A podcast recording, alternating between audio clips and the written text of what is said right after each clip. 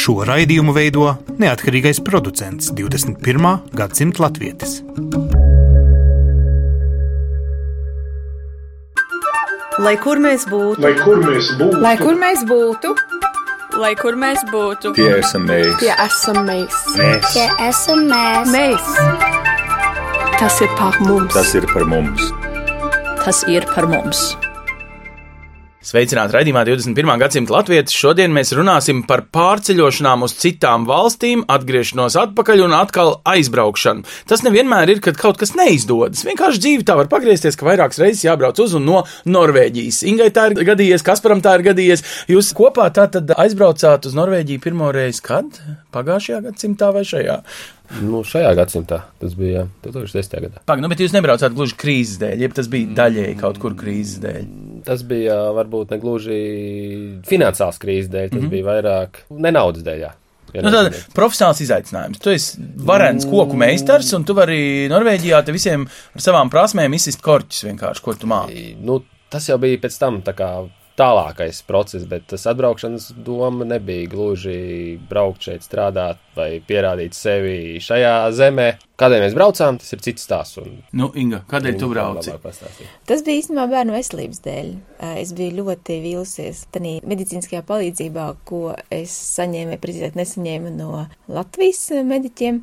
Un tad, kad pēc kārtējās vizītes pie doktora, kuram nebija laika man un manam bērnam, es sapratu, nē, šis man neapmierina, rezultāts nerādās. Un nejūtos uzklausīta, palīdzību nesaņemšu, braukšu prom uz Bergenu. Tad tu nesamierinājies un cīnījies, kā katra māte cīnās par saviem bērniem, par jebkuru, piemēram, šajā gadījumā veselības aspektu. Tu atrisināji to lietu, atnākdam uz Bergenu, uz Norvēģiju, un tu tad izpētīji, ka tieši Bergenā tu saņemtu to palīdzību. Tad tu uz Norvēģiju nebrauc nejauši vienkārši kaut kur aizbraukt. Nē, es netālu no Bergenas biju dzīvojusi gadu, kā auklīte, pirms vairākiem gadiem. Un es biju dzirdējusi, ka tieši Bergenas slimnīcā ir ļoti labi speciālisti tieši sakarā ar bērniņiem un viņu vēderiem. Un tas bija iemesls, kāpēc mēs atbraucām. Nu, tas atrisinājās. Tas uh, medicīniskais, varētu teikt, brīnums, pēc kā tu brauci, notika. Jā, tur es dabūju, eh, man šeit palīdzēja, es dabūju atbildes, kas eh, būtībā uzlaboja ikdienu ļoti, ļoti Mhm. Nu, bet tā kā es saprotu, tas nebija gluži piecās minūtēs ar vienu konsultāciju slimnīcā, tad jums nācās kādu laiku palikt, dzīvot, un tad jau sanāk, iedzīvojāties. Jā, mm -hmm. iedzīvojāmies. Labi, nu, kas par to esi priecīgs, ka tas uh, ir kaut kādā mērā izdevies, jo tajā brīdī, nu, tev, es saprotu, bija kaut kādas profesionālas iespējas un, un prasmes, un, uh, nu, jā, bērnu dēļ, protams, mēs izdarām trakulīgas lietas dzīvē, bet mēs, principā, varbūt, nu, izējam ārā no kaut kādas savas, nu, jau iedibinātās realitātes Latvijā. Nu, tu nebija bezdarbnieks Rīgā Nē, es bezdarbnieks nebiju, bet tā pašā laikā es biju taksim, nu, atvērts jauniem izaicinājumiem. Jo nu, nebija tā, ka es arī Rīgā darīju kaut kādu vienu lietu. Mm. Darbojos gan teātrī, gan savu galvniecību, mm. gan visu kaut ko citu. Tāds nu, brīvi, tā kā nu, patīk darīt visu kaut ko, ne visu kaut ko. Nu, tā, Nu, tad tu biji brīvs kā putns debesīs, un to brīvību varēja aizlidināt arī uz Bergenu un uz laiku Nu, apstāties, apstāties tur. Nu, jā, apstājāmies tur, un tas tā arī jau kā, nu, izlēmām, visi braucam uz Norvēģiju, nopirkām biļetes, un tad vienkārši, nu, a, ko darīt, teiksim, ar no, Latvijā saņemto mēneša algu, atbraucot uz Norvēģiju, nu, ilgi neizdzīvos. Jā. Labi, kā jūs eh, iedzīvojāties Norvēģijā? Kāda ir tā metode, kādā šajā valstī var, vai ir pareizi, vai ātrāk, vai tagad jūs varat varbūt citiem pateikt priekšā, ko noteikti nevajag darīt? Nu, jo patiesībā jau beigās tie gadi aizskrēja diezgan ātri, ja? Cik gadus tad jūs esat Norvēģijā tagad kopā? Nu, no desmitā gada šogad palika no astoņi. Es esmu astoņus gadus, un Inga tad sanāk, bišķi. Izgriez, ārā gabaliņu no tā gadu skaita, Bet, padzīvojot Latvijā. Kad jūs tagad saskaitat, jums pašiem ticās, ka tas tik ātri ir paskrējis? Nu, īsti nē, jo doma jau bija atbraukt uz gadu, un tad, kad pagāja gads, bija, nu, nu baigi forši, vai vēl vienu gadiņu, nu, vēl bišķi tā kā piekrāsim un, un atgriežamies Latvijā. Un tad mēs arī atgriezāmies. Pēc tiem diviem gadiem mēs aizbraucām uz uh, Latviju. Es ar bērniem, ar visām mantām aizbraucām. Inspirējāmies, vai, teiksim, iedvesmojāmies no tā ļoti daudz norvēģu ģimeņu modeļa, kad vīrieši vai, teiksim, arī sievietes to dara, ka viens no ģimenes locekļiem strādā uz platformām, viņš Ah, prom ir trīs nedēļas. Ja? Naftas biznesā, jā. Ja? Jā, trīs nedēļas tā kā prom, tad uh, es nezinu, cik ilgi tā kaut tur mājās kādu laiku. Domāju, mēs ar tāpatās tikai no Latvijas, Norvēģija. Kad es ar bērniem dzīvošu Latvijā, bet uh, Kaspars tā kā Norvēģijā un tad braukās. Nu, pagāja piecas dienas. sapratām, ka šis nav mūsu modelis. Vēl esot kopā mums tur uz vietas atvaļinājuma laikā, sapratām, ka, nu, kad īsti to negribās dalīties, jo bērni mazi vēl un tā, ka, nu, nu, respektīvi, uz piecām dienām atgriezāmies Latvijā, bet sapratām, ka tā kā nē, kad braucam kopā atpakaļ uz Norvēģiju, nevis dalāmies. Pagaid, bet tad lūdzu izstāstiet līdz galam no sākuma, kāpēc tad vajag braukt uz Latviju atpakaļ, ja gribas patiesībā būt kopā. Tad jūs mēģināt sevi kaut kur mānīt, ka Latvija ir kaut kāda laimes zeme, bet pats bā jūs secināt, ka tā ģimene ir tā laimes zeme, lai kur viņa dzīvotu, tā ģimene. Ne? Ģimene ir viens no faktoriem, bet otrs jau ir, nu, tā zeme, kurā tu dzīvo, tā piedarības sajūtu, tai vietai, kur dzīvo it kā ģimenē, bet te pašā laikā jau ir zeme, kas palīdz, fiziski zeme vai tās sajūtas, enerģijas, kas pašā. Labi, bet Inga, kāpēc tev tad vajadzēja braukt uz Latviju atpakaļ? Nu, es jau esmu Latvijas no matu galiņiem līdz papēžiem, jā. Labi, redzu, apstiprinu, jā, pilnīgi tā ir. Nē, man jau vienmēr tā doma bijusi, man Latvija vienmēr ļoti tuvu bijusi, latviešu valoda, kultūra un dejas, n- vai jau vairāk, un es vienmēr esmu gribējis, lai man bērni uzauga Latvijā. Turklāt, tur runāja par ģimenēm. Ģimene, jā, bet vēl jau visa pārējā mūsu ģimene un draugi, mm. viņi ir Latvijā. Vecmāmiņas draugi. Tātad jūs eh, nebijāt iedzīvojušies Norvēģijā tik tālu, jūs tikai bijāt tādā regulārajā garajā komandējumā atbraukuši. Jūs, nezinu, tad akmeņaina zeme, saknes grūti ielaist, ja? Par saknēm vispār es nezinu, cik viegli viņas kaut kur ir ielaist, ja viņas jau kaut kur ir ielaistas reiz. Var cikot, tev nenormāli vilka atpakaļ, un tu pilnīgi skaidri zināji, ka tu saviem bērniem vismaz pamatskolas izglītību gribi dabūt Latvijā, latviski, latviešu skolā, draugus, visu. Par to aspektu kā es īsti nedomāju. Īstenībā toreiz es gribēju palikt šeit, kas par gribēju uz Latviju. Mhm. Tagad ir otrādi. Tas jautājums, jo, jo nu ir pasēdēts uz abiem krēsliem. Es tagad divus gadus padzīvoju ar bērniem Latvijā, un es šeit eh, dzīvoju, būtībā bērni šeit ir uzauguši. Ir pasēdēts uz diviem krēsliem, un tik ļoti gribās vienlaicīgi uz abiem apsēsties, bet nesanāk. Nu, pagaidi, nu, bet tas dzīvē, nu, stāvēt vienam grāvim uz abām kantēm, beigas sāk sāpēt kājas, abas beigās. Nu jā, un tāpēc ir jāizvēlās. Un, un, Bet jā. tad tu esi mēģinājis atgriezties un beigās atbraukus atpakaļ uz Norvēģiju. Jā. Nu, tad sākam ar to daļu, kad tu atgriezies. Ko tu piedzīvo kā mamma, kurai nu, tagad vīrs ir uz platformas Norvēģijā, laiku pa laikam viņš atbrauc ciemos, bet eh, nu, tu principā tā kā tāda vientuļā māte sāc cīņu ar visām no nulles, vai ne? Jaunu skolu, jaunu bērndārzu, jaunu visu. Nu, tas jau arī sanāk, ka tev tā ir cīņa par atgriešanos Latvijā. Tā nav vienkārši atgriezties Latvijā, un te nu es esmu. Nē, nu sanāk, tā kā man tagad, kad mēs pēc tiem sešiem gadiem nodzīvošanas Norvēģijā, kad mēs atgriezāmies Latvijā, tad uh, bija tā, ka pilnīgi mēs jau turklāt izvēlējāmies pilsētu, kurā mēs nebijām dzīvojuši. Mm -hmm. Sanāca pilnīgi tā kā no nulles, īstenībā vienalga Amerikā vai Latvijā, jo pa tiem sešiem gadiem bija jau aizmirsusies tā Latvijas sistēma. Nu, Tātad tas- jūs gribējāt dzīvot, agrāk dzīvot Ogrē, atbraucot atpakaļ no Norvēģijas Valmierā. Kāpēc citā malā? atnāca sajūta, ka gribu Valmierā. Tu biji paspējis iemīlēties Valmierā kā pilsētā. Nu, tīri. Nu, Es tur studēju kādreiz, jā. Aha. Man ļoti uzrunāja tā Nu, tad pilsēta. es atvainojos, bet tu gan uz Norvēģiju aizbrauc, tāpēc, ka biji tur bijusi, gan uz Valmieru aizbrauc, jo biji tur bijusi. Ja? Tu kaut kādās atmiņās gribi. Vēl viens faktors ir, ka tā kā, nu, mani vecāki Ir salīdzinoši tuvu. tuvu, kas var dot atbalstu, pieskatot bērnus vai aizbraukt. Nu, tas nu, nu, ļoti bieži ir ļoti izšķiroši, vai ne? Super. Nu, tā tad labi, vēl viens iemesls. Bet tā tad no nulles, principā. Nu, jā, runāju par Valmieru, kāpēc Valmiera. Viens tas, ka man ļoti gribējās, man patīk tā pilsēta, otrs tas, ka man atnāca sajūta, ka es tieši tur gribu dzīvot. Aha. Jā, tas tiešām atnāca sajūta. Vēl te kaut kur fjorda malā šūpojot kājas, tā sajūta bija par Valmieru, nevis par Latviju kaut kā tā mistiski miglā tīto Latviju, Jā. bet par Valmieru ļoti skaidro. Jā, ļoti skaidri. Mm -hmm. Skaidrāk par skaidru. Nu, un tev apstiprinājās tā ideja, Valmiera ir tā sapņu zeme, ko tu satiki. Jā, tā ir tā pilsēta, kurā es gribētu dzīvot. Dēļ izmēra vai dēļ kā? Valmierā ir viss, kas man vajadzīgs. Tur visur var aiziet ar kājām. Man ļoti nepatīk tērēt laiku sēžot mašīnā. Man patīk iet ar kājām. Mm -hmm. Tur var visur aiziet sasniedzam attām. Tur ir kultūra. Kultūras nams ar, ar milzīgu piedāvājumu. Tur ir teātris, kas man ļoti patīk. Tur ir meži, izveidotas dabas takas, kur var ar riteņiem. Un, un, Tu to un, visu nu, baudīji. Jā. Labi, tagad paprasīsim Kasparam. Viņš drīzāk palika dusmīgs no, vai greizsirdīgs vai kaut kā tā. No, man te jāpelna naudu uz tās, sauksim, naftas platformas Norvēģijā, bet viņi tur, var teikt, izklaidējās un, un bauda to kopā būšanu. Nē, nu, vai viņi tur izklaidējās, to es tā negribētu teikt, bet, protams, tad mazāk greizsirdībai man arī gribās. Es esmu arī tieši tāpat Latvijas visā no matgaliņiem. Te līdz var vajag to kultūras namu un teātru un dabas takas. vairāk zemi, tur, kur, tur, kur ir saknes. Jā, un kultūra, dabas taks, jā, tas ir svarīgi, tas man patīk. Un, nu, kultūra, dabas taks arī šeit, Nu, Norvēģijā. kā tu to risināji? Nu, ģimene dzīvo kādu laiku Latvijā, un tu tad sestdienas, svētdienas ar lidmašīnu vienkārši piebrauc brīvdienās.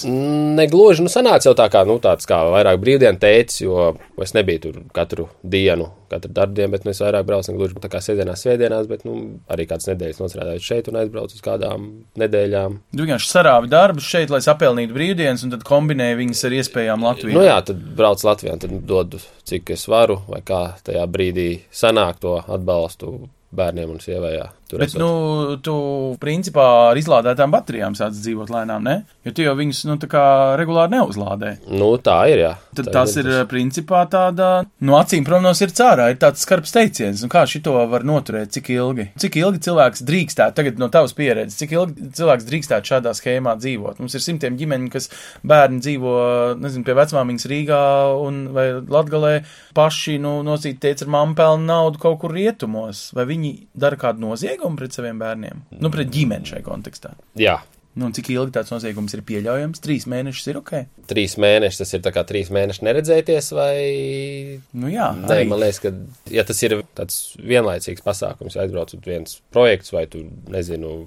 Pasaules apceļošana vai kaut kas tāds, trīs mēneši, ok, bet, teiksim, ilgstošā periodā trīs mēneši noteikti ir. Nu, ja trīs mēneši neredzās, tas, man liekas, ir. Kas par, nu, bet tev arī ļoti svarīga Latvija un piederības sajūta. Jā. Tātad tu taču arī kaut kādā mērā lepojies, ka tavu bērni iet latviešu skolā un ar ideālu latviešu valodu. Nu, es tagad viņus dzirdēju, dēls un meita lieliski runā latviski. Es teiktu, nu, ļoti jāieklausās, ja būtu kāds norvēģi akcentiņš, nu, principā nav. Nu, tad tu jau tā kā saprati, ka tu noliec savas šīs nērtības dzīvē pret to, ka viņi savukārt iegūst to, ko tu viņiem, es saprotu, gribi dot. Nu, ka viņi ir tur Latvijā. Nu, viņi ir Latvijā, jā, nu es arī gribu būt Latvijā, gribu būt kopā ar viņiem. Bet, tad, tā, bet kas ir tad beigās tas iemesls? Tas ir naudas maks, kas tā kā ir papildināms biezāks tur tajā Norvēģijā. Nu, tad brauc mājās, nu ko tu tur kasies? Pienāks laiks tur braukšu mājās, bet nu, naudas maksas ir viens, bet otrs ir, protams, nauda. Nu, nauda, nu jā, šeit nauda krīt no gaisa, kā mēs visi Norvēģi karalis Norvēģi izbēries. izbēr, jā, jā, jā, jā, jā, tā kā ir tās dienas, kad ir jābūt šeit, lai savāktu to naudu.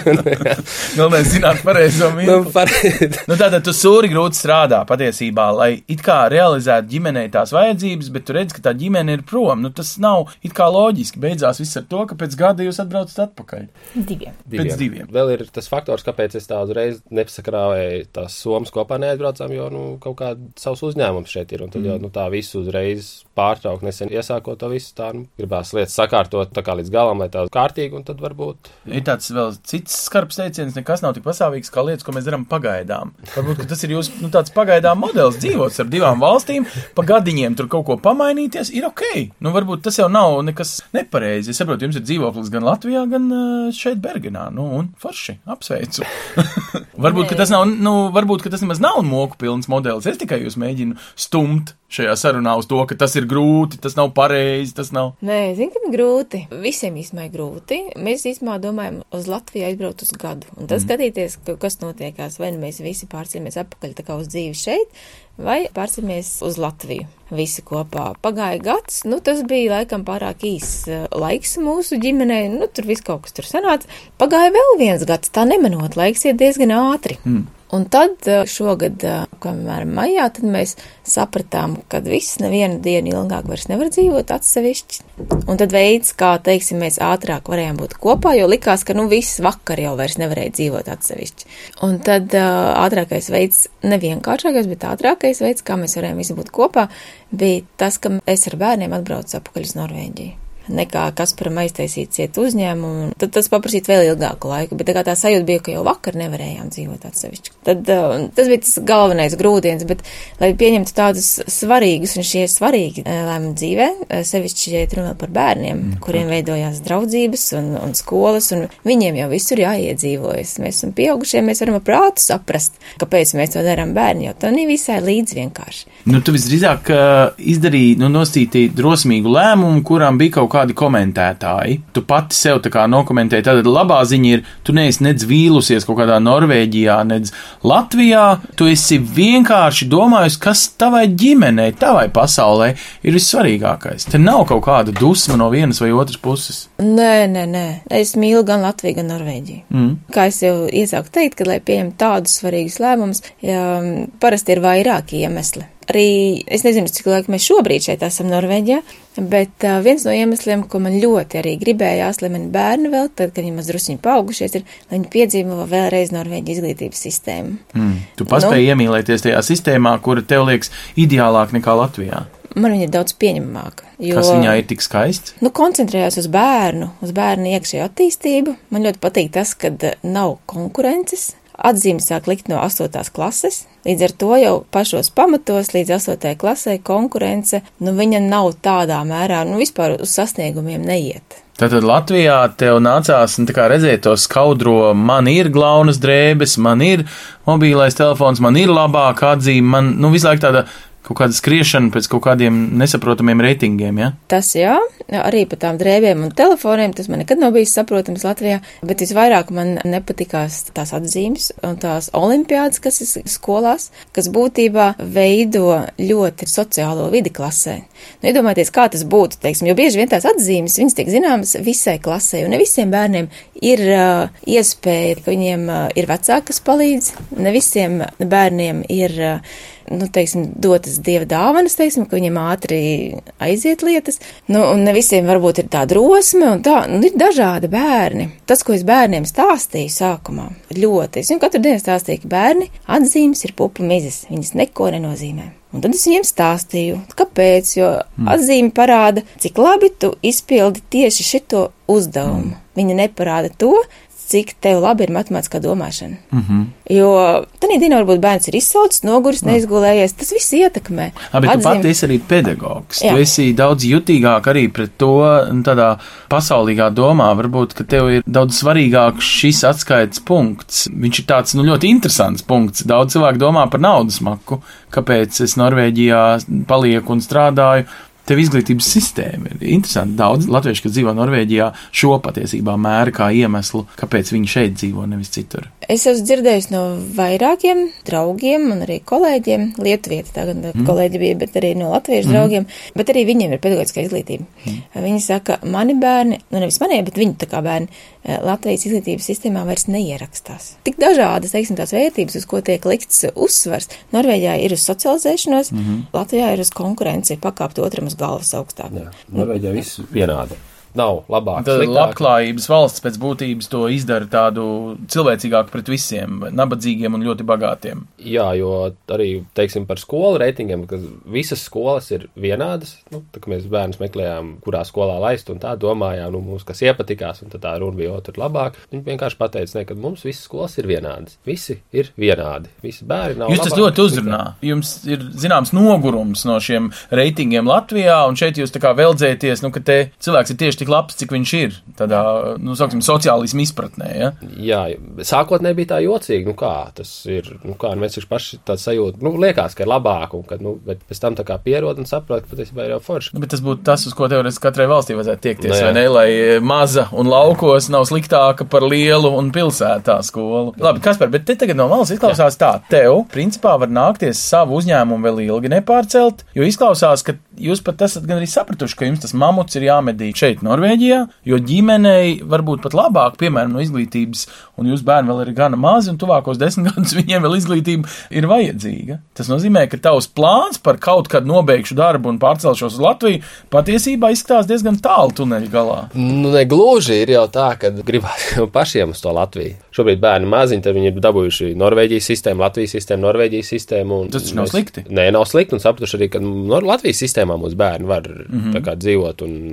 būt. Mm -hmm. Protams, ir tur liela atšķirība starp Norvēģijas un Latvijas, bet tas ir dzirdēts, ka tagad nāk nu, jaunie ministri un jaunās izglītības reformas, ka tur ir kaut kas tā kā plus vēl no draugiem, kas ir iekšā, kad kaut kas mainās arī Latvijas sistēmā, bet runa ir arī par pašiem tas stāsts, ka mēs jau arī paliekam vecāki un gribās jau vēl nevis vecam būt Latvijā un pavadīt pensijas gadus, bet gribās arī kaut ko iesākt un darīt Latvijā. Tu taču te mega iemācījies. Tu Latvijā biji nodibinājis savu uzņēmumu. Nē. Nu, Norvēģijā tu esi savu uzņēmumu īpašnieks. Tu jau māki, kā lai saka, saimniekot. To reģistrācijas adresīti pārcelt ar visām idejām un visu biznesu. Kāpēc tas nav tik viegli, kā izklausās Eiropas Savienība? Taču mums promotē, ka mums ir pārobežu, viss skaistīgi. Es, skaisti. es zinu, ka Norvēģija nav Eiropas Savienībā, bet likumi ir ļoti līdzīgi. Nu, tā doma jau ir tāda, bet ir līdz tam nu, jāsakārto šeit lietas un jānostrādā un jāsadarbojas. Jo, jo vienkārši, nu, ir taču dzirdēts, ka Latvijā reģistrēts uzņēmums ar visiem saviem biznesa sakariem patiesībā savus klientus sen ir saķēris pa Norvēģiju. Nu jā. un, un nu, tad tu vienkārši tagad iestrādā šīs savas iestrādnes, lai patiesībā apkalpotu Norvēģiju, bet ar Latvijas priedēm strādā. Tāda ir tā doma, tā, tā ideja un tas nu, tāds mazais sapnīts attiecībā par biznesu un, un naudas pelnīšanas vai darba jomu jāsauc. Kādā, kā to nosaukt, tā ir tas tāds, tāds mērķis, jā, Tā ir tava specializācija, tavas prasmes, bet uh, sākt visu no nulles Latvijā, ja jau reiz jūs vienreiz sākāt būtībā visu no nulles Norvēģijā, tas tā kā biedē. Mm. Nu, ja jūs varat uzdrošināties vēlreiz iesākt to savu jauno skaisto jaunības dzīvi Latvijā, kamēr vēl neesat veci. Negluži bieda ir tā, tā kā tāda nedrošības sajūta, bet nevis tā, ka kaut kāds ļoti kaut kāds biedējošs faktors tas nav. Jā, ir laiks pagājis, ir tā kā no aprits ārā i- izkrist no tās biznesa vai ne biznesa, nu, no tās vides. Bet kurā atbrauks atpakaļ, tev būs baigā kvalitāte zīme. Tu esi Norvēģijā, visus šitos troļļus te apkalpojis ar visiem saviem galvenajiem. Nu, varbūt izstāst īsos vārdos, ko tu šeit esi darījis, jo es redzēju ļoti skaistus darba augļus, ko tu spēj izdarīt. Nu, tādā ziņā, ka es domāju, tev Latvijā apbrīnot tikpat ļoti kā Norvēģijā. kāda, ko es nodarbojos, nu, galvniecība. Un šobrīd Tad... lielākais un nu, tāds, ar ko taisties, ir eh, restorānu un bāru interjers iekārtojums, mm -hmm. nu, mēbeles priekš. Mm -hmm. Nu, tad uz pasūtījumu. Uz pasūtījumu konkrēti. Speciāli izmēri, speciālas vajadzības. Konkrēta sadarbība ar arhitektu, pasūtītāju, nu, klients, arhitekts, es kā izstrādātājs, un tad kopā darbojoties dabūt. Nu, un tad pie Rezultāts. vārda tikai tu gribēji man teikt, ko? Nu, tu atgrieztos Latvijā tikai, jo tavas prasmes ir augušas, tava biznesa naks ir šeit, eh, kā teikt, uzasināts. Tu taču esi tikai un vienīgi audzis kā Jā, cilvēks. es esmu nu, taču neko neesi zaudējis. Nē, zaudējis Tas neesmu. baigais krūtais džeks, tu tagad atgriezīsies Protams. Latvijā un pe- pelnīs miljonu. Nu, jā, protams, ka es pelnīšu miljonu. Arī šeit es pelnu miljonu. Nē, šeit krīt no gaisa Nav no sevis. jāpelnē. Kas tevi biedē tajā, kāpēc visu, ko tu esi sasniedzis Norvēģijā, tu nevari sasniegt Latvijā tikai tāpēc, ka kāds par to gribēs desmitreiz mazāk maksāt? Nē, nebūtu ne. Jo arī, ko es zinu, ka pēc galveniekiem, galvniecībām labiem ir pieprasījums. Ir rindas. tā- Latvijā tas nav tāds pakalpojums, ka tur var aiziet katru stūri un tur uzreiz tur ir rindas. Nu, iedomājieties, tā rinda jau stāv tur Latvijā, Nu, un tevi gaida, rinda un stāv, tu jā. te sēdi bez savas rindas Norvēģijā, un, un nevar saņemties vienkārši sapakot koferi. Tas koferis vajag lielais. ir vajadzīgs. daudz instrumentu. Bet, teiksim, Latvijas tirgo iet, jā, tur atkal ir. Es no Latvijas tirgus esmu ārā izkritis. Es esmu Norvēģijā. Jā, bet, kad tu atbrauc Norvēģijā, tu biji tieši tādā pašā nullītē, kā tu tagad varbūt jūties. Bet Latvijā tev ir rādi draugi, tev ir pat zināma adrese, kur tu noliksi tos savus izpakotos instrumentus. Patiesībā tev ir daudz vairāk Latvijā nekā tev Norvēģijā bija, kad tu te ieradies pirmajā dienā. Jā, nu jā, tas ir. Tam es piekrītu, ka Latvijā ir vairāk, ka Latvijā ir uh, draugi, iepriekšējā pieredze, un, un, un tikai Latvijā ir tie šobrīd, kas ir iztrūks no Latvijas, ir tie gadi, kas ir, nu, tomēr arī tas pamainījies tajā biznesa vidē. Nu, labi, tu viņus vēl vari paspēt atgūt, kā tu pats stāsti. paspēt atgūt, un, un, un, protams, ka varu. Nu, bet tas ir um, reāli tāds um, mirklis, sanāk, ka tas ir bijis patiesībā tik grūti izēsties tais biesputrai cauri, ka tu vairs negribi to atkārtot. Tu negribi vēlreiz sākt no nulles. Nu, nē, esmu domājis šādā kategorijā, bet iespējams, nu, nu ir kaut kāda nedrošība jā, par to. It kā jau ar vienu prātu daļu saprotu, nu, viss sanāks, viss būs baigi forši, bet ar otru daļu tā varbūt tās, un tomēr, nu, ir. Ir ģimene jāuztur, un, un, un, un, un tas faktors. Un tad, nu, atgriežoties Latvijā, tas ilgi prasīs, paņems tas laiku. Nu, Inga, tu esi bijusi uz mirkli, te di- divus gadus Latvijā. Ir tik traki, ir tik sociāli nestabili, salīdzinoši ar nenormāli stabilo sociālo Norvēģiju. Ir eh, tik grūti, nu, tu pārliecini vīru, ja, ja tu teici, ka tavs mērķis ir dzīvot Latvijā. Tu esi tas nezinu, īdētājs, kas sauc eh, braucam. Kā es es es neko viņam nevaru pastāstīt, tāpēc, ka tos divus gadus es dzīvoju mājās ar bērniem mm -hmm. un pat ar sevi. Es nevis avīzes lasu, nevis eh, televizoru skatos, nevis eh, radio klausos. Es dzīvoju savā, teiksim, kaut kādā burbulītī tos divus gadus un jutos ļoti labi. Kas Bet būtu? tu dzīvoji Latvijā un jūties labi. Šeit tu jūties tikpat labi savā, var teikt, burbulītī. Nē. Kāpēc? Kas tev šeit sienas taču it kā ir, es atvainojos, varbūt pat taisnākas un labklājība ir, kā tu stāstīji, vienlīdzīgāka. Mm. Tas tev veldzē, un tomēr tas nav tavs. Nē, tur tā lieta, ka tas nav mans. Jo to ļoti grūti izteikt. Man ļoti patīk Norvēģija, daba, un, un man te viss patīkās. Bet ir kaut kādas lietas, kuras ir lielākas par patikšanu tikai. Man pirms kaut kādiem trim gadiem, izkāpjot Latvijas lidostā, radās tāda sajūta. Nu, tas labi. Raudi, radio jau tas netraucē. Raudās. Šī raidījumā daudz raud. Vienīgi, ja pila mikrofonā, tad uzmanies. Forši. Uh, bija augsta ziemas nakts, bija rikti, ne, nu, vakars, tā kā, un bija mīnus grādi, reāli augsti, un izkāpu lidostā, aizgāju uz um, autobusa, pieturu lidostā, stāvēju. Viena pati tu biji ar bērniem. Viena pati. Aha. Un, nu, pat apkārt kaut kādi ierēbuši onkuļi tur smaržoja, kas man šausmīgi riebjās Latvijā un tā, bet, um, bet tā sajūta tāda, ka jūt mīlestību. Bet viņa nāk ārā kur no zemes, viņa jau nav redzama. Tas Cilvēki jau vienkārši. nenāk tevi un neapskauj, kāds malacīts, kāds brauc. Nē, bet, bet ir, nu, kaut kā tad, tad mīlestības sajūta milzīgi. Savukārt pēc dažām dienām atbraucu atpakaļ uz Bergeni, kāpju ārā no lidmašīnas, pa tam trepēm kāpju lejā, ievelku gaisa krotīs - brīvība. Ah, bet tās ir divas diezgan kaut kādā mērā dažādas kategorijas. Dažādas Viena kategorijas, ir brīvība, un otra ir mīlestība. Un starp šīm tagad tu mēģini izšķirties no cita. Nē, būtībā nē. Man vienkārši fascinē tas, ka tās eh, izjūtas trīs gadu laikā viņas nav mainījušās. Vienalga, cik reizes es no lidmašīnas šur vai tur būtu izkāpus Lat Latvijā vai, vai Norvēģijā. Un viņas tādas ir vienkārši, man fascinē tas fakts. Bet tas, ka Latvijā, teiksim, es vairāk sajūtu mīlestību, zinot tās visas negācijas, visu un tā. Valmierā, kur mēs dzīvojam, tur pa logu varēja redzēt bombzīšus pie miskastēm. Nu, nu redz to reālo realitāti arī kāda ir, bet tā sajūta, ka katrs tas solis, ko es liku uz Latvijas zemes, es biju laimīga. Jā, bet tagad baigi, nu, viegli šitā runāt. Tu pat to esi mēģinājis visu laiku mērīt ar saviem lidojumiem, lidmašīnā, te tur, te tur.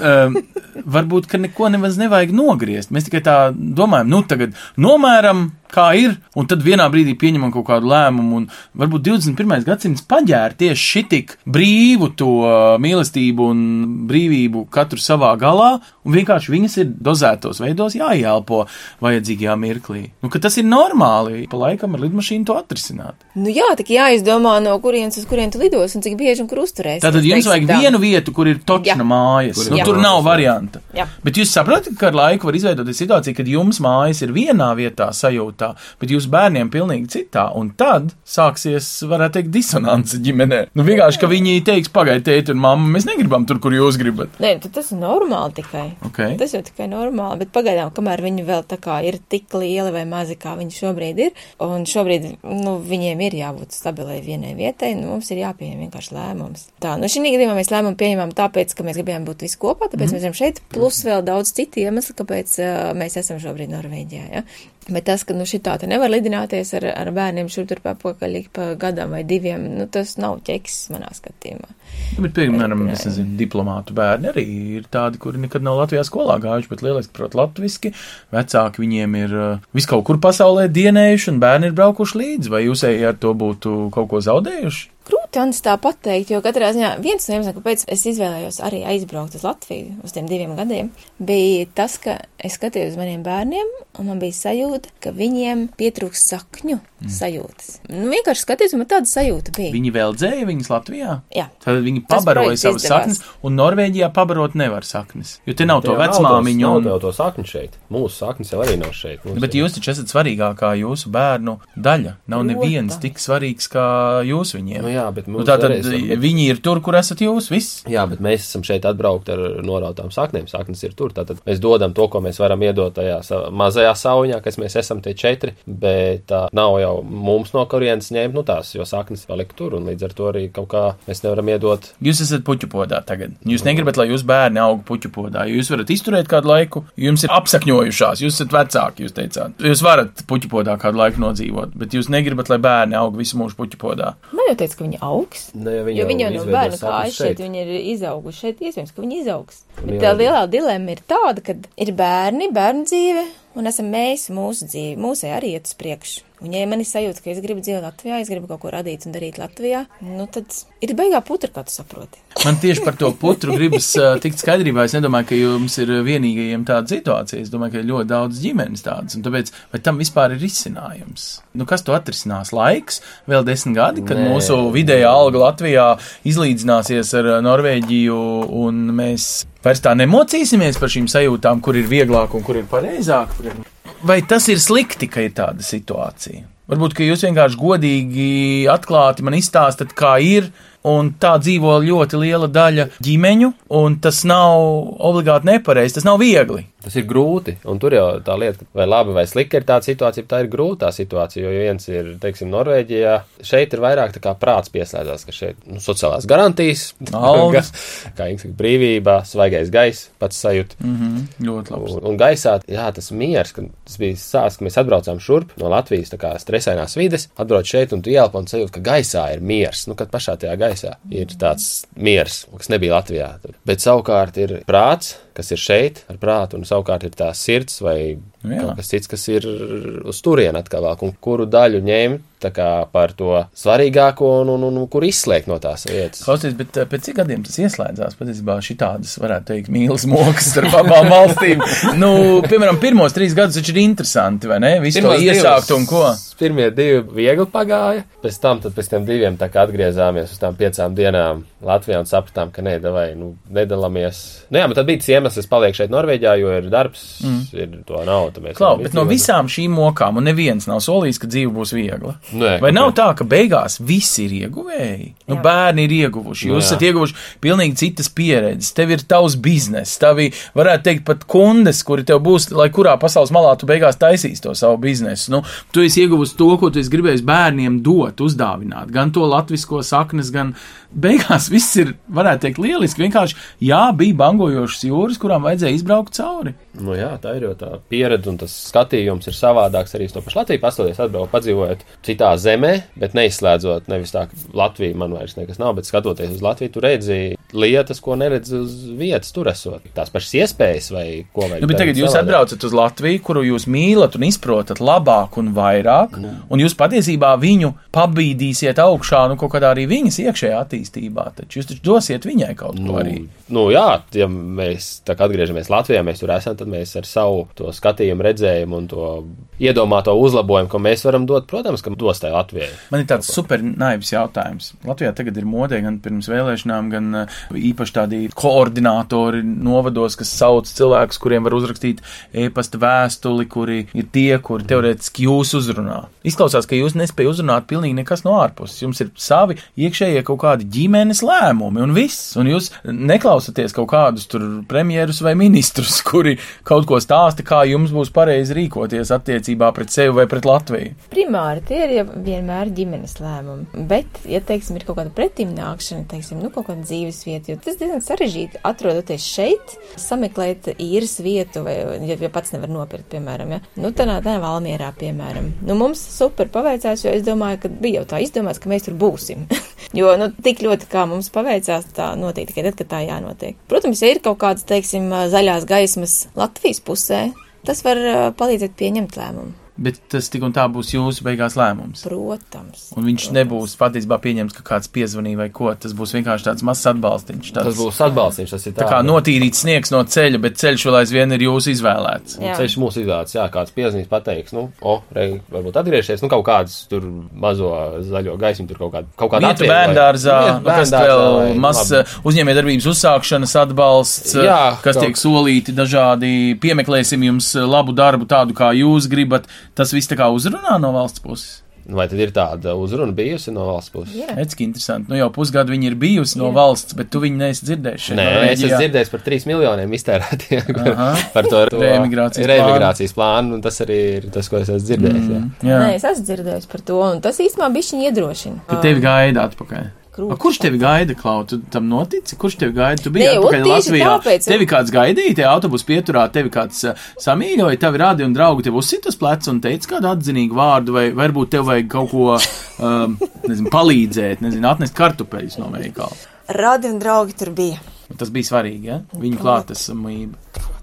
Bet sabiedrība kopumā tevi. Es biju kā nagla pakaļā daudziem no savu citādāko skatījumu. Ah, tu tā kā par daudz tur iejūtīgi un to bērnu centrā mēģini likt skolā un vēl kaut ko. Nu, nu jā, uz to pusi. Tu mēģini celt labāku sabiedrību ātrāk nekā Latvija viņu var uzcelt. Tu esi kurbulis. Nē, vienkārši es izteicu savu viedokli, kas bieži vien eh, nesakrīt ar, Ar skaļo viedokli. Ar skaļo to, viedokli. Jo kad jau cilvēks iekšā, varbūt tās noteikti grupa, teiksim, klase, nu, klases vecāki, varbūt iekšēji viņam tās domas varbūt arī atšķirās, bet, teiksim, no tās formālās sabiedrības viedoklis, nu, ir tāds, un ja Inga pasaka savu viedokli, kas ir krai, nu, varbūt ne gluži pretējs, bet, nu, kaut Savādākā pieredzē, jā. krietni, tad ir tā, nu, Nu, bet senāk, ka tev kā ārzemēs kādu laiku pavadījušam latvietim un citu sistēmu baudošam, griboties šo uzlabojumu atvest uz Latviju, viņš patiesībā sastopas ar pirmo nē, mums to nevajag. Tā bieži vien ir reāli dzīvē. Mm. Tad vienkārši tas, ko es varbūt varēju labāk izdarīt, to pakāpeniskāk, nemanāmāk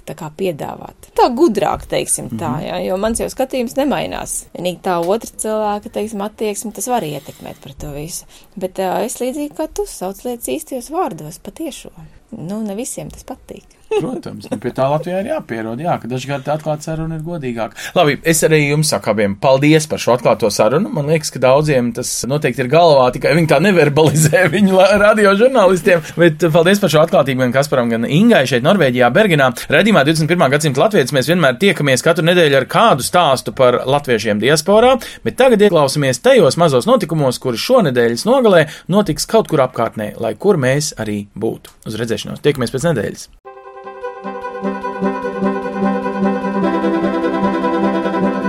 Sadarbībā ar Ar latviešu.com piedāvājam, globālais latviešu notikuma apskats, kur ir tur rodas. kur ir tur rodas. Tas ir par mums! No 27. septembra līdz 6. oktobrim Liepājas simfoniskais orķestris kopā ar savu galveno diriģentu un māksliniecisko vadītāju Ginteru Rinkeviču devās koncertu turnejā uz Indiju un Šrilanku. Koncerta programmā tika atskaņoti izcilā indiešu violnieka un komponista Lakšmina Rajana Subramanjama skaņdarbi, bet Eiropas vērtības pārstāvēja Ludviga van Beethovena 5. simfonija, kā arī izcilais Latvijas simfonisma paraugs Emīla Dārziņa melanholiskais valsis. Koncerta turnēja bija valsts simtgades starptautiskās programmas notikums, veicinot Latvijas un Indijas sadarbību ekonomikā, izglītībā un kultūrā. Arī nākamnedēļ tautiešiem pasaulē būs iespēja apmeklēt dažādus kultūras pasākumus. Otradien, 9. oktobrī, Vācijā, Latvijas vēstniecībā Berlīnē, notiks latviešu izcelsmes operas režisoras Kristīnas Vusas grāmatas prezentācija. Tajā aprakstīti latviešu mākslinieku sasniegumi Eiropā un iezīmēts, kā Latvija kļuvusi par muzikālu lielvalsti. Tikmēr Londonas Karaliskajā koncertzālē uzstāsies soprāns Kristīne Opalais un diriģents Andris Nelsons. Savukārt trešdien, 10. oktobrī, izcilā violniece Baiva Skride koncertēs Anglijas pilsētā Birmingemā. Tajā pat laikā Bostonas trimdas draudzes zālē notiks folkloras grupas Vilkača koncerts. Sestdien, 13. oktobrī, dziedātājs Ainārs Bumbieris saviem klausītājiem Anglijā sniegs koncertu Daugavas Vanagu fonda Londonas Latviešu nama zālē, izpildot dziesmas no sava jaunā albuma No sirds uz ziedu. Savukārt deju kopa Aurora un Latviešu somu ģimeņu biedrība Laivas ielūdz uz rotaļu un grāmatu ražas svētkiem bērniem Annas mužā Helsinkos. Svētkos grāmatu darbnīcu vadīs un savas grāmatas par kaiju un suni lasīs latviešu ilustrātore un rakstniece Rūta Briede. Tāpat sarīkojumā paredzētas dažādas citas aktivitātes un priekšnesumi. Bet Luksemburgā līdz pat 21. oktobrim kinoteātros un kultūras centros noritēs gadskārtējais Centrālās un Austrumēropas filmu festivāls, kurā šoreiz īpaša uzmanība būs veltīta Latvijai. Atzīmējot valsts simtgadi, festivālā būs iespēja noskatīties vairākas ar Latviju saistītas filmas un tikties ar filmu režisoriem un aktieriem. Pirmdien, 8. oktobrī, festivāla programmā paredzēts Latvijas vakars, kad cinematēkā režisoram Jānim Nordam klātesot izrādīs viņa jaunāko spēļu filmu ar putām uz lūpām. Trešdien, 10. oktobrī, vakars cinematēkā paies Baltijas jaunā viļņa, jeb tā sauktā poetiskā dokumentālā kino zīmē, izrādot režisoru Kristīnas Briedes un Audra Stoņa dokumentālo filmu Laika tilti. Ceturtdien, 11. oktobrī, Neiminstera sabatijā dzīvespriecīgo dokumentālo filmu Neiespējamais ir iespējams varēs noskatīties kopā ar tās režisoru Arni Asperu un filmas varoni Raimondu Dombrovski. Sestdien, 13. oktobrī, Luksemburgas iecienītajā koncerta vietā Rotonda notiks Baltijas valstīm veltīti muzikāli priekšnesumi, kā arī paredzēta Baltijas valstīm veltīta Viktorīna. Tāpat varēs noskatīties vairākas izklaidējošas īsfilmas un nogaršot reģionam raksturīgās uzkodas. Savukārt festivāla pēdējā dienā, 21. oktobrī, Luksemburgas laikmetīgās mākslas muzejā demonstrēs dokumentālo filmu Lidojošo mūku templis ar režisors Žanetes Skarulas un filmas galvenā varoņa arhitekta Austra Mailīša līdzdalību. Plašāku informāciju par daudziem citiem gaidāmajiem notikumiem, kas saistoši visā pasaulē dzīvojošajiem latviešiem, meklējiet portālā latvieši.com notikumu sadaļā 21. gadsimta latvietis Facebook lapā, kā arī daudzās, jo daudzās latviešu kopienu mājaslapās pasaulē. Raidījumu veido Ancis Bogustovs, Paula Gulbinska, Arta Skuja un mūsu ārzemju korespondenti. Raidījuma producents Lukas Rozītis.